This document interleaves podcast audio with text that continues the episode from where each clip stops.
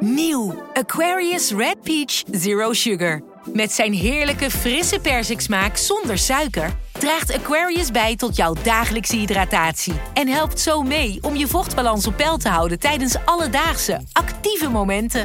Thuis, op het werk of onderweg. Ook verkrijgbaar in smaken lemon en orange. Probeer hem nu.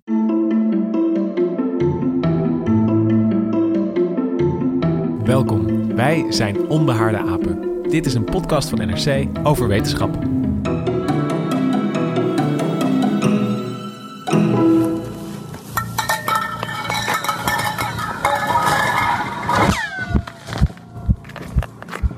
Mijn naam is Lucas Brouwers en ik zit hier naast Gemma Venhuizen. Hoi Lucas. En ik zit hier niet naast Hendrik Spiering. Nee, een beetje eenzaam zo, hè? Ja, een beetje kil. Ja, nou, dat is toepasselijk. Wat voor science fiction film zijn we nu weer in beland? Wil, wil je nog één keertje horen? Want het is best een bijzonder geluid. En Ja, het verdient het even. blikjes? Ja, Ja? laat nog maar een keer. Nog één keertje.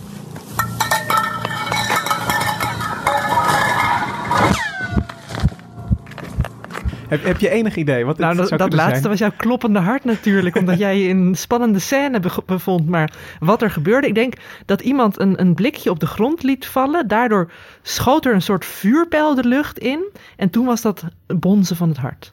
Nou, er viel inderdaad iets, dat heb je goed gehoord. Dit waren wetenschappers op de Zuidpool die een eh, boorkern hadden, hadden gemaakt. Ze hadden 90 meter diep in het ijs geboord. En daar lieten ze toen een klomp ijs invallen. Per ongeluk. Nee, expres. Oh, Want ze wilden dit geluid opnemen. Eh, want wat je eerst hoort is, eerst eh, rinkelt dat ijs tegen de, de randen van eh, dat gat. En dat is het ge- dat, dat rinkelende blikje dat je hoort. En op een gegeven moment raakt hij de grond.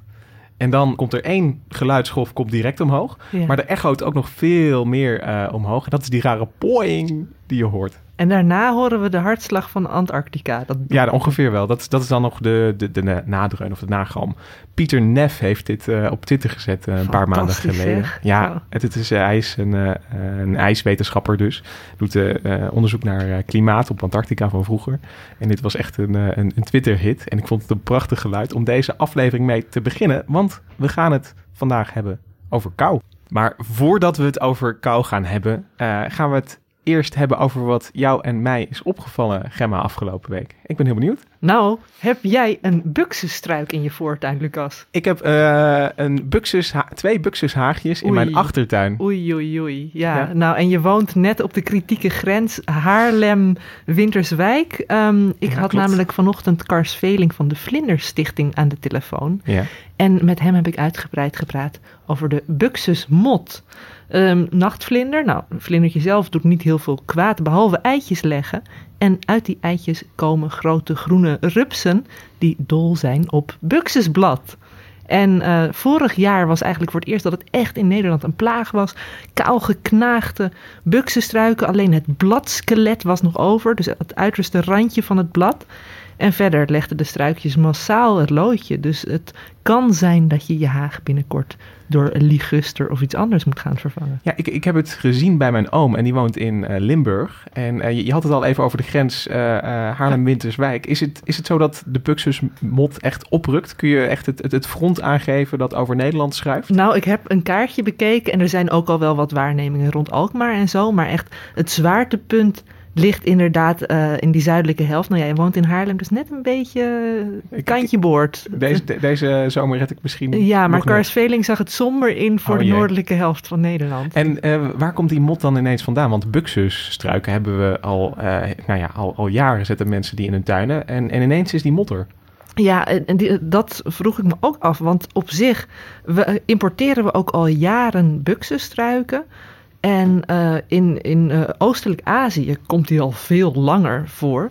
Maar pas een jaar of tien geleden is hij met een partij buxusstruiken. Ik denk dat ze normaal gewoon goed kijken of die rups erin zit. En deze hebben ze even over het hoofd gezien.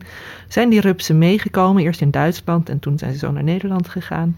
En nu hebben wij ze dus ook eh, En juist omdat er nog geen natuurlijke vijanden zijn. Maar het goede nieuws is dat langzaam de, de mussen en de mezen en zelfs de spitsmuizen en de naaktslakken steeds meer uh, buxusrupsen, buxusmotrupsen op hun menu hebben staan. Nou, ze, ze wennen een beetje aan deze nieuwkomer hier in Nederland, deze exoot. Ja, dus nou ja, als je een naaktslak als, als huisdier neemt, dan uh, kan die misschien de rupsen te lijf gaan. Ja. Nou, ik was afgelopen weekend uh, niet, niet thuis in Haarlem, maar ik was op de Veluwe. En het was een hartstikke mooi weekend. Wat me daar opviel was één kievit jong uh, met uh, moeder Kievit, die heel uh, fier verdedigd oh, werd. Mijn lievelingsvogel. Ja. ja. het is echt prachtig. En hij, hij stak ineens de weg over, wow. terwijl we daar aan het fietsen waren. En twee kerkuilen. Zo. maar verder viel het een beetje tegen met het wild dat we zagen. we, hadden, we hadden toch een beetje, nou ja, het gaat al wekenlang over de Oostvaardersplassen. Dus, dus ja, ik wil het nu allemaal zien. ik wil die damherten zien. edelherten. Hè? Edelherten zelfs op de Veluwe. Ja. En uh, nou ja, niks van dat al. Uh, ja, twee vogels en die, die bijzonder... Verder helemaal ja, Verder ook heel veel andere geen, vogels. Geen zwijnen? Nou... Nee, nee oh, alleen uh, nee. wel veel voetsporen en, en, en drollen ook. Maar ja, dat maar is toch niet wat Ik durf het niet te zeggen, had. maar ik was laatst één uurtje op de Veluwe... en toen heb ik heel veel jonge wildzwijntjes gezien. Oh, nee, toch? Ik vertel je zo wel even de geheime plek waar ik Ja, dat zag. is goed. Maar en als troost Ja? heb ik hier een ijsje voor je. Ik hoop dat je van perenijsjes houdt, maar ik dacht... een aflevering over kou moeten we een beetje in stijl um, beginnen. Um, maar ik wil je één ding echt, echt uit de grond van mijn hart verzoeken. Ja? Alsjeblieft, bijt het niet met je voortanden af. Ik heb één fobie qua geluid. Ik kan tegen alles, tegen nagels over het krijtbord en zo. Maar mensen die waterijs met hun voortanden, ik word daar nu al helemaal naar van. Ik ben een echte bijter als het gaat om ijs. Met je kiezen, dan geef het ijsje maar weer. Nee, nee, nou ja, sorry ik- luisteraars thuis als jullie ook deze fobie met mij delen. Uh, het, is, het is Lucas dus die jullie af en toe aan het ijs horen knagen. Ik, uh, Mijn perenijs is echt mijn, uh, mijn favoriete ijs. nou, Um, we gaan het vandaag hebben over kou. En uh, uh, jij hebt wel wat met kou, toch, Gemma? Of in ieder geval als het gaat om uh, koude gebieden. Zeker, ja. Ik was, um, dat was nu precies negen jaar geleden, was ik voor het eerst op Spitsbergen, die eilandengroep ver ten noorden van Noorwegen. En daar studeerde ik een semester, deed ik onderzoek naar permafrost, hè, dus de, de jaar rond bevroren ondergrond. En um, het was echt een bizarre omgeving. Er leven meer ijsberen dan mensen daar, En- en- 3000 ijsberen. En, um, Die lopen je- daar gewoon rond. ja, en ze komen soms ook zelfs de hoofdstad, uh, kleine hoofdstad, het hoofddorp in. Maar iedereen moet daar een schiettraining volgen. Je hebt ook bij de supermarkt heb je grote borden van zet hier je geweer neer voor je de supermarkt ingaat. Uh, schijnt ook wel heel weinig criminaliteit op Spitsbergen plaats te vinden, maar iedereen loopt er dus wel met grote geweren. En ook ik moest uh, schiettraining volgen. En hier, uh, um, er was een studiegenoot van mij die heeft daar een blog over gemaakt destijds. Svalbard is a dangerous place, full of dangers such as avalanches, treacherous sea ice, violent snowstorms, and other things you would associate with the Arctic, like polar bears. In order to defend ourselves, we are required by law to always carry a gun when leaving the main settlements. Today was a gun training day for the group.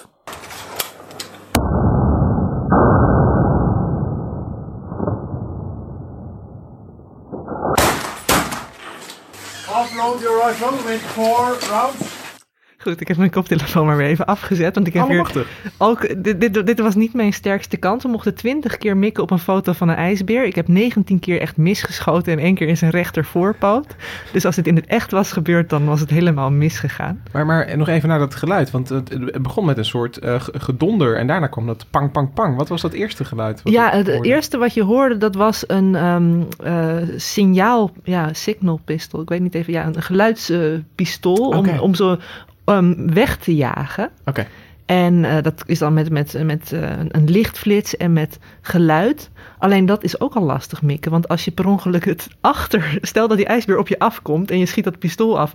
Maar die lichtkogel met het geluid ontploft was achter de ijsbeer. Dan schrikt hij zo dat hij nog harder op je af komt rennen. Dus de kunst is om dat tussen de ijsbeer en jezelf uh, in af te vuren. En mocht jij nog wel op Spitsbergen blijven nadat jij zo belabberd geschoten hebt op het trainings...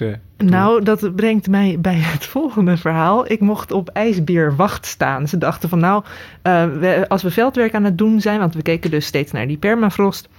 en aanverwante verschijnselen, dan uh, hebben sommige mensen die, die, die uh, hebben dan de geweren bij zich, maar die kunnen niet de hele tijd in hun eentje op wacht staan. Dus ik stond echt op, op, op, de, de, ja, op de post om iets te roepen als ik iets zag bewegen aan de horizon.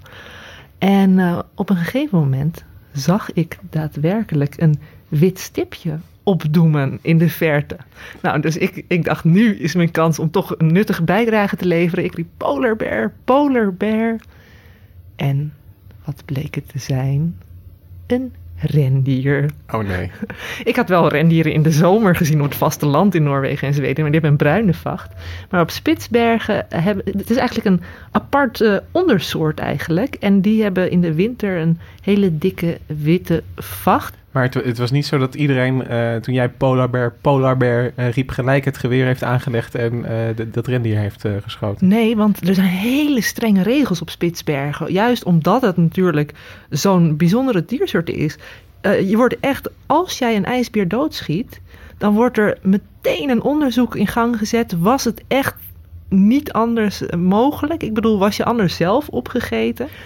als jij ten onrechte een ijsbeer hebt doodgeschoten, dan staan daar strenge straffen op. Dus mensen die denken wel drie keer na voordat ze te ja. lichtzinnig. Uh, en, en hoe zit dat ecosysteem op, op Spitsbergen in elkaar? Je hebt die rendieren, je hebt de ijsberen. Is, is dat het? Uh, uh, rendieren die opgegeten worden door ijsberen en, en verder? Nou, je hebt vogels, uh, walvissen, vissen. maar aan land heb je verder vooral inderdaad die rendieren. Je had er ook ooit muskusossen, maar die zijn uitgestorven. En hoe zijn die rendieren daar terechtgekomen op, op zo'n eiland? Ik bedoel, een, een, uh, een zoogdier zwemt niet zo makkelijk zo ver. Zijn, zijn die daar ooit uitgezet? Het is een hele goede vraag. Ik denk dat ze er ooit zijn uitgezet. Uh, gewoon voor de mensen die, ja, ik weet niet, weet je, vroeger kwamen er al walvisvaarders uh, rond. Hè? Ja. het is Willem Barends, onze terschellinger, die ooit Spitsbergen heeft ontdekt. Um, maar ik durf eerlijk gezegd niet te zeggen sinds wanneer die rendieren daar rondlopen. Maar ja, ik ga ervan uit dat ze zijn, zijn meegekomen. Net als die muskusossen daarvan weet ik het wel vrij zeker. En ja, ijsberen die zijn, uh, ja, die, dat zijn echt de toppredatoren daar natuurlijk. Nou ja, dat is vaak, in, natuurlijk hoor je nu ook wel van, die hebben het ook steeds moeilijker nu het uh, klimaat warmer wordt. Wist jij trouwens dat een ijsbeer eigenlijk zwart is? Onder zijn witte vacht? Ja. nee, ja, dat is, uh, nou ja, hè, zwart isoleert veel meer ja. natuurlijk. Dus de zonnewarmte die, die um, is veel fijner om dan een zwarte vacht te hebben.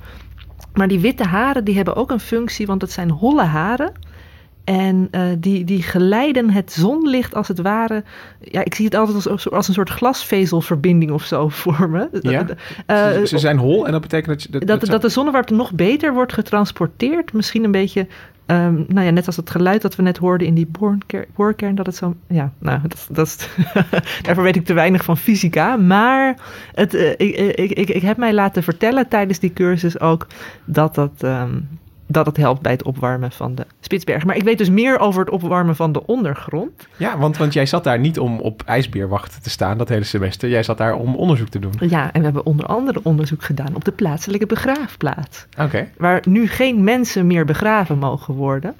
Want, want weet jij uh, iets van permafrost en de... En de, de, ik, ik weet ongeveer dat het, uh, het betekent letterlijk permanent bevroren. Dus permanent bevroren bodem. Dus ik, nu jij al begraafplaats zegt, uh, zit ik al te denken van hoe krijg je daar een, een schop in de grond als je. Ja, als dat je is ook begraven. ontzettend moeilijk. En daardoor uh, hebben ze er in het verleden vaak voor gekozen om uh, de lijken niet al te diep te begraven. Want permafrost nou ja, begint daar op zo'n 2 meter diepte, zeg. Maar net daarboven. En daar heb je een gebied dat heet de actieve laag. En in de winter is dat ook alsnog bevroren en in de zomer niet. Nou ja, goed, ik denk twee meter diepte is alsnog uh, nog prima.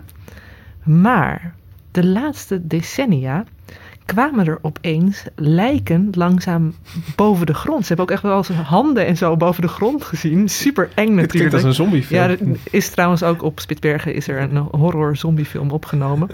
um, en alle, alle um, kruisen, ze hadden van die hele simpele witte kruisen als grafstenen, die begonnen ook te bewegen. En um, dat, nou ja, de actieve laag, de naam zegt het eigenlijk al. Hè? Daar, daar, daar vindt allemaal beweging plaats in die ondergrond. Door dat afwisselend uh, bevriezen en weer ontdooien, ontstaan er grondbewegingen. En heel veel in die grond eh, grote, onderwer- eh, grote, hoe zeg je dat? Grote stukken, grote ja, kiezels ook, maar Ja. dus ook lijken en dergelijke, worden dan langzaam naar boven getransporteerd. Want de fijne deeltjes die, ehm, Die stromen naar beneden. die stromen naar beneden. Het zand stroomt dus langzaam naar beneden, Ja. terwijl alles wat groter is dan zand omhoog komt. Ja, dat wordt volgens mij ook wel het, het muesli-effect Ja, Want genoemd. ik, daar ken ik het van, van, de, van de rozijntjes. die Ja, als, je, als je een fijne muesli hebt, dan komen altijd, als je heel lang eh, aan de muesli-pot gaat schudden, dan, eh, dan komen de rozijntjes naar boven. Ja, Maar in Spitsbergen waren dit dan, dus de dan lijken. komen dus de lijken naar boven. Maar tegenwoordig wordt er dus niemand meer daar ehm, begraven. Ook als je heel oud bent, mag je overigens niet meer op Spitsbergen wonen. Omdat je dan te, te risicogevoelig is. Ze hebben daar wel een ziekenhuis, maar eh, al die oude mensen, ja, eh, ehm, die worden dan toch naar het vasteland. Dus als je de 65 bent gepasseerd, dan, eh, Dan krijg je je een ticket. verzocht om van het eiland. Ja, ik weet niet hoe streng het Nee. is hoor, want ik zag ook nog wel wat oudere mensen met een wandelstok, echt zelfs met een spijker eronder Ja. nog rondlopen. Maar ehm, ja, Maar, dat- maar wat, eh, dus er worden gewoon geen eh, mensen meer begraven, ook niemand gecremeerd, want, want er woont niemand permanent. Nee, het is eigenlijk, ja, er, er- een vriend van mij heeft er bijvoorbeeld wel een paar jaar gewoond. En dat was dan ook wel echt jaar rond. Die eh, was dan geoloog voor de plaatselijke steenkoolmijn. Maar er zijn heel weinig mensen die, denk ik, op Spitsbergen geboren worden en er hun hele leven blijven wonen. De grootste deel is toch inderdaad student of, of ehm, medewerker dan van de mijn. En ja, toeristen ook steeds meer. Hè? Dus als het goed gaat om, op Spitsbergen, heb je ook weinig mensen om te begraven eigenlijk. Ja, dat, ja, of ze worden door de ijsbeer opgegeven, maar dan is er ook weinig meer, weinig meer over om te begraven. Dus dat, eh, Als je, als je kijkt naar wie, wie gaat Ja. er dood op Spitsbergen, dan is het vaak door ja, vaker dat dan door criminaliteit, heb ik me laten vertellen. Want dus inderdaad, iedereen loopt er met een geweer, maar niemand schiet elkaar eh, overhoop. Ja. Dus eh, ja, Weet je waar veel mensen aan dood gaan op de Zuidpool? pinguïns. Nee, eh, de, de meest voorkomende doodsoorzaak op de Zuidpool is, is, zijn vliegtuigongeluk. Af en toe, vroeger vaker, leiden mensen schipbreuk. Ja, Eh, ehm, dat, is, dat neemt nu ook eh, af. Ehm, nee, dat was, vroeger was dat gevaarlijker, zeker op die, die, eh, die, die die expedities. Ja. Ja, ja, ja. Ehm, maar op drie staat brand. Brand, Brand bizar. op de. Zuidpool. Maar er is toch genoeg ijs om het te, te, te blussen, zou je zeggen? Ja, nee, dat is het probleem. Al het water is, is ijs. Ah, dus op ja. het moment, eh, er zijn, zijn twee dingen waarom brand op de Zuidpool zo gevaarlijk is. Is dat ehm, de lucht is ontzettend droog. Daar zit ook geen Ja, vocht oh in. ja. Het waait Daar is het ook altijd. statischer. Of, Ja. ja. Eh, het, het- het waait eigenlijk altijd. Dus eh, er wordt altijd voldoende zuurstof aangevoerd. En je kunt het eh, niet blussen. Oh, wat erg zeg. Wat- Ja, En, en, en dat die brand ontstaat dan in de onderzoeksstations. ja, dat is eh, dus, dus Antarctica is net als eh, Spitsbergen, denk ik. ik eh, ja, daar leven mensen op onderzoeksstations. En ja, kortsluiting bijvoorbeeld, dan, dan heb je toch brand op Antarctica. En ik heb hier een, een iemand houdt dat allemaal keurig bij. En eh, wat er in, eh, dat is op, op de site van eh, Cool Antarctica heet dat. Mhm. En heeft iemand een hele mooie Antarctica Fire History samengesteld. En daar staan allemaal ja, interessante verhalen. En in 1981 eh, beschrijft iemand dan dat, dat hij daar gestationeerd was om te overwinteren. En ineens brand in de kerk zag. En dat was op McMurdo Station van de Amerikanen. En eh, nou ja, allemaal kerkbanken weggeslepen. En, dat- Ja, dat- dat, dat was was nogal wat. bevat ook nog wel veel hout. Precies. Nou ja, er moest uiteindelijk ook herbouwd worden. Maar achteraf eh, hoorde die man, dit, dit was een aangestoken brand. Dus, dus er was iemand dronken. Jeetje. Die wilde eerder wegkomen van Antarctica. Want dat is net als Spitsberg. Is dat denk ik een, een hele operatie met helikopters en, Ja. en dat soort dingen. Dus en het schijnt best deprimerende plek te zijn, Antarctica Precies. soms. Ja. Ze, Oh, ze- ze waren daar in principe om te overwinteren. Ja. En, dan, en dan, dan ben je soms echt vijf maanden met, op je team aangewezen. En nou ja, die, die man is inderdaad wel uitgevlogen. Maar eh, en, en achteraf eh, hoorde hij dus dat, het, eh, dat er brand gesticht was. Ja, maar die, diegene die, die het gesticht heeft, die moest daarna misschien in eenzame opsluiting in de gevangenis. Dus dan ben je van de regen in de drup. Nou, eigenlijk is Antarctica, daar is geen wetgeving. Oh. Dus, ik, Dus als je ik- daar iemand vermoordt, Ja. En nou ja, nu, nu moet ik misschien even vertellen dat ik naar Antarctica ben geweest een, een keertje. Eh, wat heb je daar allemaal uitgesproken, Lucas? en en daar, daarvoor kregen we dus een aantal cursussen. We, we gingen, eh, er werd een Nederlands onderzoeksstationnetje bij, een, een Brits onderzoeksstation op eh Rothera geopend. Dat is een schiereiland. En daarvoor kregen we dus al die cursussen over brandveiligheid onder andere. En nou, daar werd ook die, die juridische status van, eh, van Antarctica eh, benoemd. En ik, ik weet het fijne er niet meer van, maar het, het is dus een, een soort juridisch schemergebied. Onder wiens wetgeving moet je dan berecht worden? Ik bedoel, je, niemand zit daar.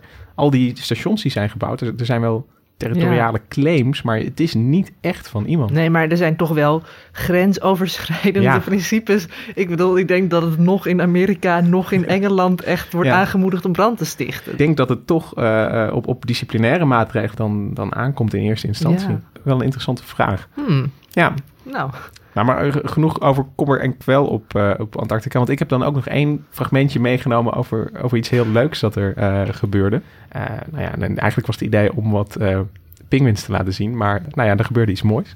Daar kunnen we naar luisteren. There's different size on each one. So whale. Whale? Yeah. Yeah. Woo! Whale.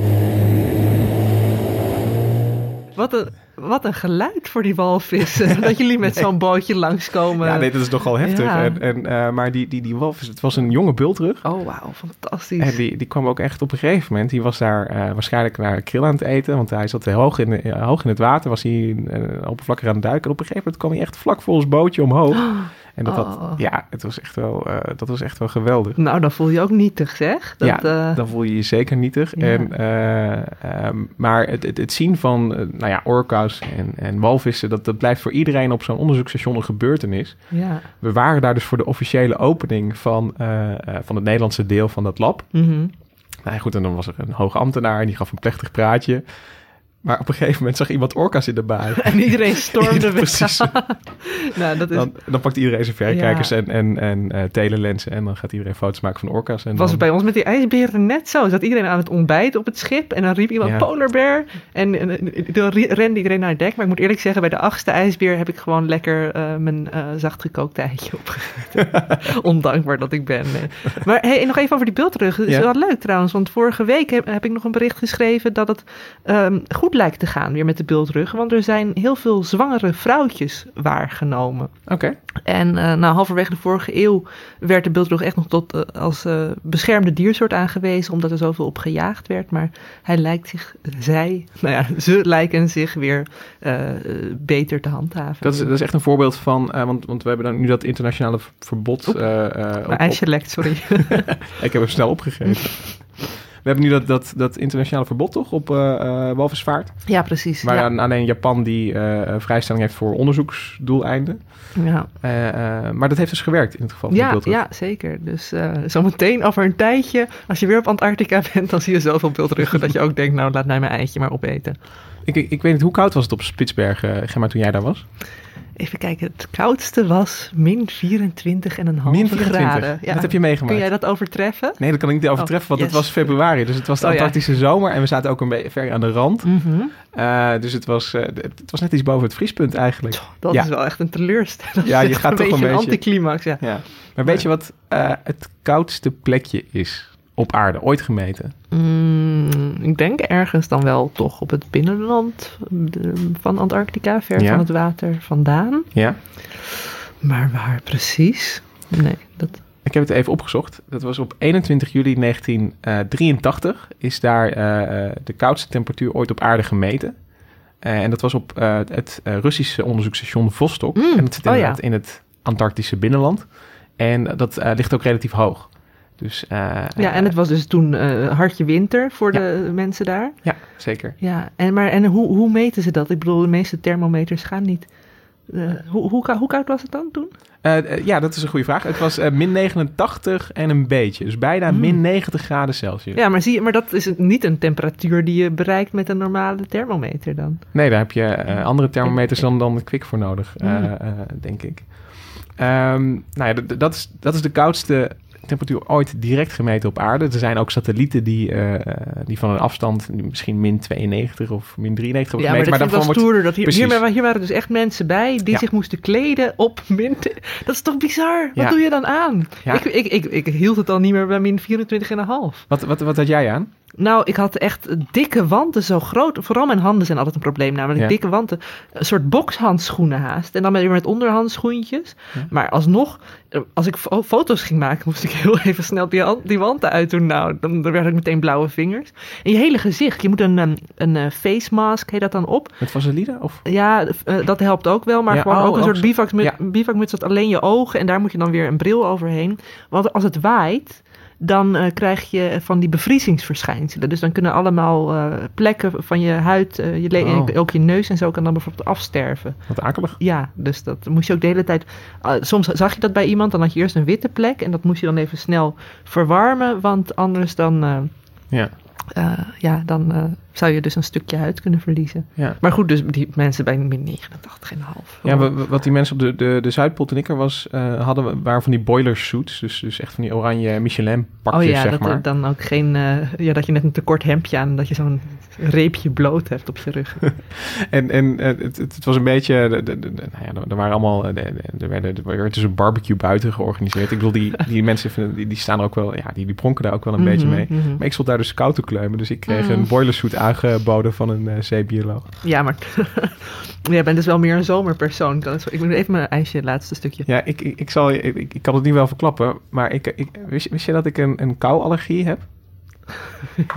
Is dat, is dat aanstellerij? of is dat een echt ding? nee, nee. Ja. Nee, dat is echt. eh, de, de medische term is eh, koude urticaria. Mm. En wat, wat dat betekent is dat er als er stromende kou, dus het, het gaat, het, het is niet als ik mijn hand in de vriezer steek dat er iets gebeurt, maar als het een koude wind opsteekt, dan slaat mijn eh, huid rood uit. Oh jeetje. Ik, Oh. ik- ja, en het is iets ook wat je op latere leeftijd pas ontwikkelt. En is En dat, is dat het vergelijkbaar met netelroos of is dat weer iets anders? ja, daar is het volgens mij aan, aan verwant. Het is een verwante aandoening. En eh, ik, ik ging een keertje zwemmen in, eh, in, in Normandië in, het was ook laat, september. En het is, dus de zee was een beetje koud. En ik kwam terug en nou ja, degene met wie ik was, die zei, ben je door een kwal gebeten of zo? Ik zeg, hoezo? Nou, je hele huid is rood. Zo. En toen kwam ik erachter. Wat heftig. Ja. Ja. Nou ja, toch naar de Zuidpool gegaan. Dat, eh, ja, want ik zit te denken, volgens mij heeft mijn vader dit ook. Ja. dus, ja, maar het is dus geen aanstellerij.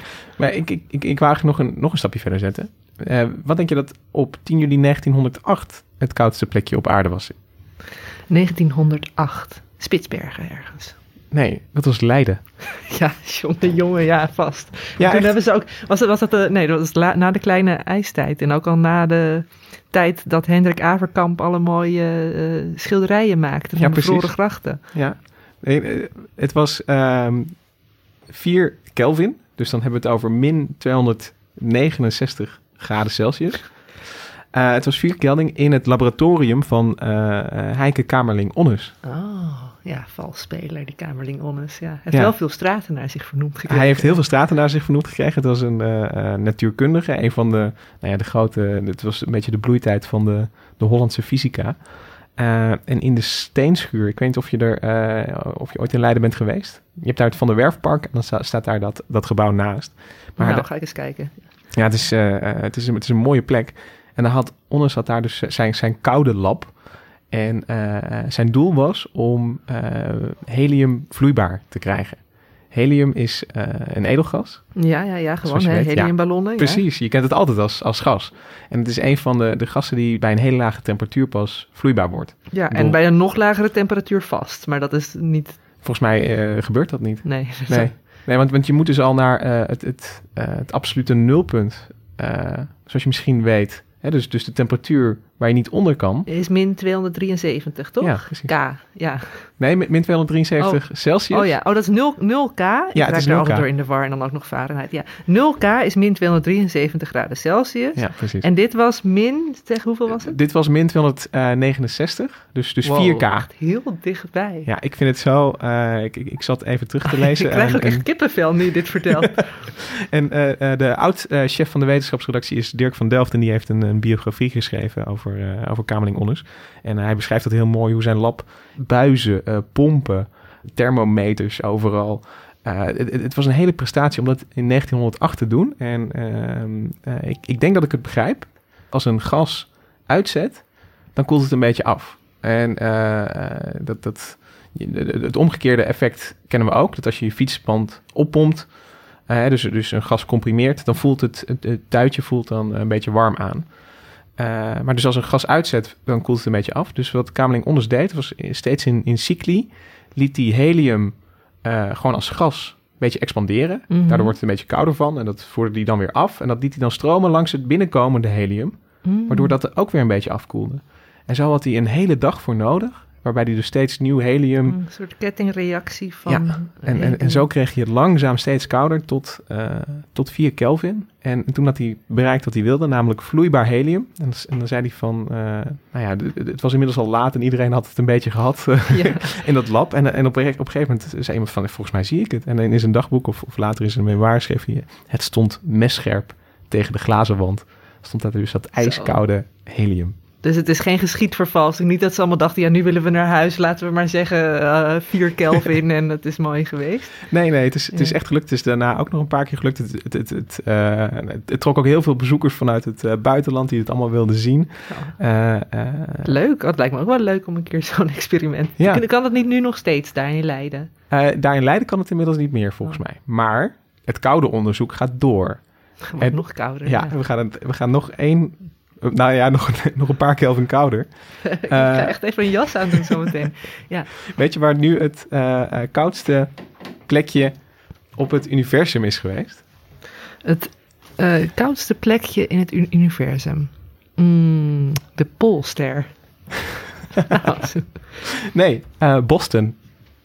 Gewoon ons Boston, niet Ja. een Boston nevel. Boston, Oostkust, eh, Amerika, eh, bij MIT.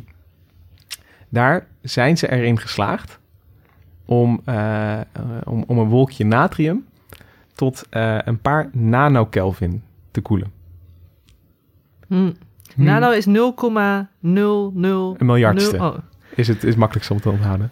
een paar miljardste Kelvin. Ja, Oké. Leuk. En wa- wat hebben we er eigenlijk aan?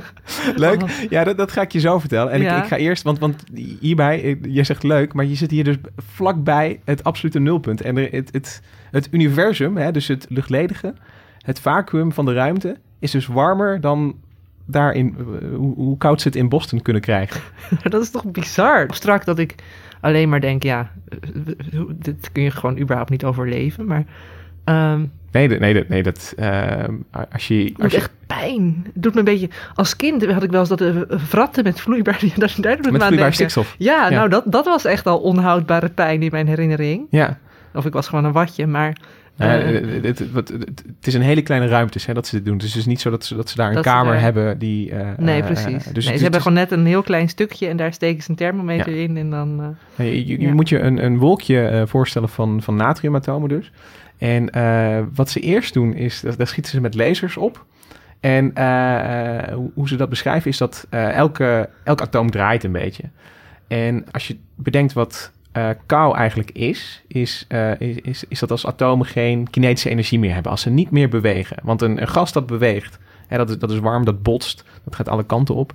Dus als je die atomen stil kan zetten, dan, dan heb je in principe al iets kouds. Dus wat ze doen, ze vergelijken het. Ik, ik heb het iemand, een van die onderzoekers horen uitleggen. Als je dat atoom voorstelt als een bowlingbal die draait, mhm. daar schieten we eigenlijk met pingpongballetjes op, heel lang, waardoor we hem afremmen en uiteindelijk helemaal stilzetten. En, en zo kom je op eh pico-kelvin. En dan moet je nog, dat, een pico-kelvin is een eh, miljoenste Kelvin. En dan moet je nog naar een miljardste. En dan moet je nog, een- dus moet je nog een factor 1000 vanaf halen. En dit. eh, dan moet je eh, met knikkers tegen die pingpongballetjes, tegen die bowlingbal. Nou ja.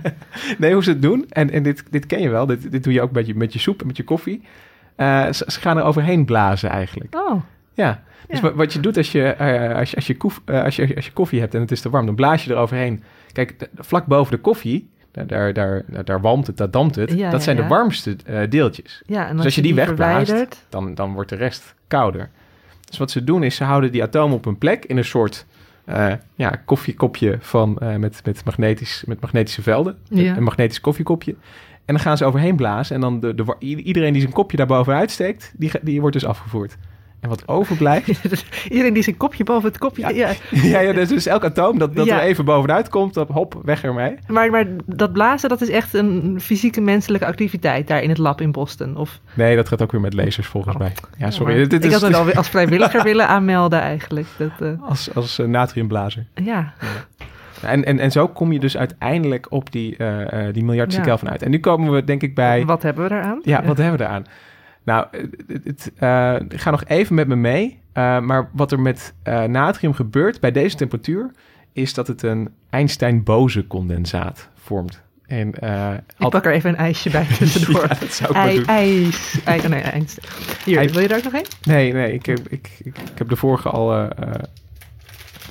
met mijn tanden al aan... eh, Ja, je deed het op, opvallend rustig. Maar goed, Einstein-boze condensaat. Einstein-boze condensaat. En nou, ik, ik, ik ben geen natuurkundige, dus ik kan alleen een, een soort van de, de, de leken, eh, het lekenbegrip ervan van geven. Maar wat er gebeurt is dat in de kwantummechanica is elk lichtdeeltje is ook een golf. Deeltjes eh, Ja, dualiteit. Dus als je eh, een licht bekijkt op de ene manier, dan, dan zie je dat het lijkt de het eigenschappen een- heeft van een golf. Want dan vertoont het interferentie bijvoorbeeld. En, Ja, eh, Op andere momenten meer als van een los deeltje. ja, maar dat gaat ook op voor atomen. Mhm. En atomen zien we normaal gesproken altijd als deeltjes. Mhm. Maar als je bij deze temperatuur eh, en natrium afkoelt, dan, dan gaan die atomen zich gedragen als golf. Ja. En ehm, ze, gaan zich, ze, ze smeren zich zo ver uit dat ze eigenlijk hun identiteit verliezen. Ze gaan op in een grote golf. Je kunt geen onderscheid meer maken tussen het ene natriumatoom en het andere, omdat ze allemaal opgaan in die golf. En ik vind dit ontzettend eh, moeilijk om voor te stellen. Ik vind het fascinerend dat dit kan, dat eh, dit gebeurt met natriumatomen. Maar ik had er moeite mee om, om een atomen als golf voor te stellen. En ik was eigenlijk een beetje opgelucht toen bleek, toen ik, ik, was een paar filmpjes aan het kijken, dat eh, Daniel Klepner, dat is ook een natuurkundige daar in Boston, dat hij daar ook nog moeite mee heeft. This Bose-Einstein condensate is very difficult to imagine or to visualize. I can imagine what it's like to be an atom running around gaily, freely, bouncing into things, sometimes going fast, sometimes going slow. But on the Bose condensate, I'm everywhere at once. I've lost my identity. I don't know who I am anymore. I'm at rest, and all the other atoms around at rest, but they're not other atoms around. We're all just one great big quantum system. There's nothing else like that in physics, and certainly not in human experience. So just to think about this causes me wonder and confusion. Hij kan het zo mooi vertellen en ik kan iedereen aanraden om, om dat filmpje even terug te kijken, want het is, eh, het is echt heel mooi gedaan. De ultieme saamhorigheid Ja, is dat het is het. eigenlijk. Dat is het. Ik Ja. bedoel, de, de- Dus daar krijg je het juist warm van, niet koud. Nee, precies. Het is pure collectiviteit. Ja. In, op, bij, het, bij de allerkoudste temperatuur die, die mensen kunnen maken. Ja, Hmm. ik, ik, vind het, ik vind het geweldig. Ik, ik zat ook gelijk te denken van, maar kunnen we niet nog kouder? Maar toen, het, het absolute nulpunt, dat, eh, daar kwam ik achter, dat kunnen we niet bereiken. Omdat eh, zelfs als, al zet je eh, alles helemaal stil, er blijven altijd die kwantumfluctuaties die je hier ziet, hè, als die golf. Is altijd wel één iemand in de menigte die dan toch weer eventjes eh, Nee, maar- een beetje staat te wiebelen. Ja, het beweegt toch een beetje. Dus, dus ook al ben je nu bij, bij een miljardste Kelvin... en misschien kunnen we wel naar een 10 miljardste... of naar 100 miljardste of naar 1000. Maar, Maar nul, niet naar een helemaal nul. Nee, nul halen we dus nooit. Hmm. Dus, dus dat is ook... ook ik, ik vind het ergens ook wel fijn... Eh, in de natuurkunde lijkt alles altijd zo grenzeloos. Weet je wel? Dat, dat, dat Mhm. universum en dit en dat. Ik vind het ergens wel fijn dat hier gewoon zo... bam, een grens is. Waar we niet onder kunnen. Ja, maar dat is heel leuk voor de natuurkundigen. Maar wat hebben wij eraan? Ik bedoel, kan ik mijn kip beter bevriezen bij een eh, temperatuur van 4 Kelvin? Nou ja, het is niet zo dat deze technologie nu eh, snel geïnstalleerd kan worden in, eh, in je koelkast of in je vriezer. Maar het, het onderzoek naar kou heeft zeker wel wat opgeleverd. Want een van die ontdekkingen van Kamerling Onnes was bijvoorbeeld supergeleiding. Dus als je bepaalde metalen nou ja, ontzettend sterk afkoelt en je brengt er een, een stroom in op gang, dan blijft die. De, de, de, wat er gebeurt is, is dat er eigenlijk geen elektrische weerstand meer is. Dus als je een, een gesloten circuit hebt, dan blijft, eh, blijven elektronen daarin rondracen. Ze, ze vertragen niet, ze blijven maar gaan. Volgens mij eh, hebben ze dat zelfs laten zien door in Nederland toen een stroom op te wekken die nog, eh, die nog deed in, toen ze dat hele systeem brachten naar Engeland om het daar te laten zien aan de Royal Society. Van kijk, dit hebben we in Nederland opgestart. Perpetuum mobile. Ja, het probleem is dus dat je het wel moet blijven koelen. Dus je moet wel... eh, Input, ja. Ja, dus, dus je, moet, je moet er toch wel werk verrichten om, om eh, dingen zo koud te krijgen. Dus het is, eh, het is, het is geen eindeloze energiebron. Maar ehm, eh, wat het dus wel doet, is er ontstaat een magnetisch veld omheen. En dus als je een permanent magnetisch veld nodig hebt, zoals bij een maglev, die magnetische treinen, dan, uh, nou ja, dan kun je met supergeleiding uh, een heel eind komen. En uh, een, zoektocht in de natuurkunde is dus ook naar materialen die bij hogere temperaturen dan, dan 3 of 4 Kelvin nog supergeleiden. Want dan, nou ja, dat kun je gebruiken in MRI's, in magnetische treinen en dat soort toepassingen. Dus het, het levert ook daadwerkelijk wat op.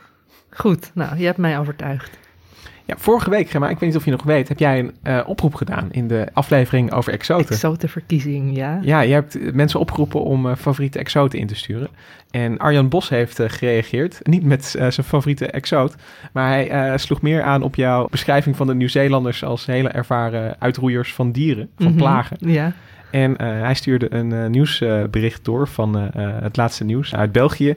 Dat de Nieuw-Zeelanders nu ook een campagne zijn begonnen om katten uh, uit katten, te laten. Uit, uit, katten uit roeien? Ja, uh, tenminste, er is één econoom, Gareth Morgan in Nieuw-Zeeland, die een campagne is begonnen, Cats to Go. Mhm. Mm -hmm. um, en hij roept daarin mensen op die katten-eigenaar zijn om dit je laatste kat te maken en er gewoon mee te stoppen omdat het ook de kat uh, als roofdier zo'n effect heeft op vogels. Ik ga nu heel veel luisteraars tegen me in het harnas jagen als ik zeg dat dit ook wel een wereldwijde campagne zou kunnen worden. Maar... nou ja, ik, ik, ik hou ook meer van honden dan uh, katten, eigenlijk als ik eerlijk ben. Dus, dus ik, je hebt mij aan je zijde. Ja, maar, maar ik weet... luisteraars, sommige van mijn beste vrienden zijn grote kattenliefhebbers. nee, maar het, het, is natuurlijk wel zo dat ja, katten ja. die hebben uh, voor de, de, de vogels een niet altijd prettige aanwezigheid. Nee, ik, ik heb ooit uh, Piet Mara uh, geïnterviewd. Dat is een vogelonderzoeker. Ja, dan, die heeft natuurlijk ook niet zoveel op met katten. Maar die heeft daar een boek over geschreven om dat te, uh, te verantwoorden. Waarom hij tegen katten is. En uh, hij noemt katten gesubsidieerde roofdieren. Want een, een, een, normaal gesproken heeft een ecosysteem een bepaalde draagkracht. Er zijn zoveel prooien en die, die, nou ja, daar kunnen zoveel roofdieren van leven. Maar katten die krijgen subsidie in de vorm van kattenvoer. Ja, dat is dus, de, dus de dichtheid aan katten is uh, zeker Is in steden bizar. veel hoger dan, uh, dan normaal uh, Ja. gesproken zou kunnen. Nou, ik heb een paar jaar geleden een stuk geschreven over waarom mensen allemaal een cavia zouden moeten nemen in plaats van een kat. Dus wie weet kunnen we een soort opmars van de cavia beginnen. Volgende week uh, is Hendrik er vast weer die ook de kat kan vertegenwoordigen. Want wij zijn nu wel een beetje aan het overhellen. Ja, we, ja, we missen de balans. ja. Nee, en uh, verder uh, hadden we ook nog een, uh, een vraag via Twitter gekregen van Ed A. Snoep. Die vroeg zich af welke muziek er eigenlijk klinkt aan het begin van onze aflevering. Ik dacht dat is wel leuk om even te vertellen. Dat is Ravels vioolkwartet in F majeur. En nou ja, dadelijk bij de aftiteling klinkt die ook weer. En volgende week ook weer. En die Ja, week erna ook weer. Ja, zeker. Het, het, is, het is een heel. ik, ik vind het een fijn opgewekt deuntje. Misschien luisteren mensen daarom vooral. Nou ja, de, ja als, ze- als ze dan ondertussen iets opsteken over kou en cavia's, dan, eh, dan is het mooi meegenomen lijkt me.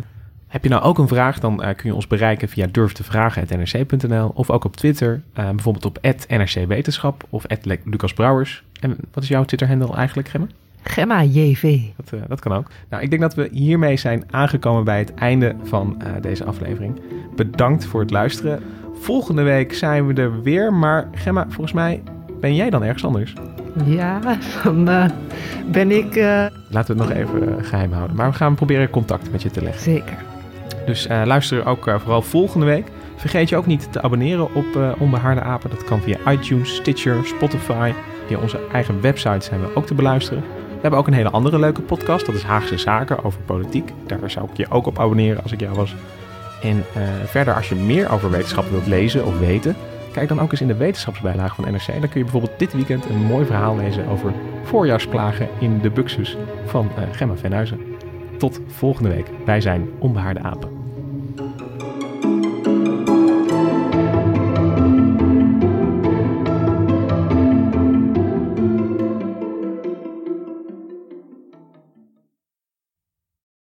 De financiële markten zijn veranderd, maar de toekomst, die staat vast. We zijn in transitie naar een klimaatneutrale economie. Dit biedt een van de grootste investeringskansen van onze generatie. Een kans voor u om mee te groeien met de pioniers van morgen. Meer weten? Ga naar carbonequity.com. Carbon Equity. Do good by investing better.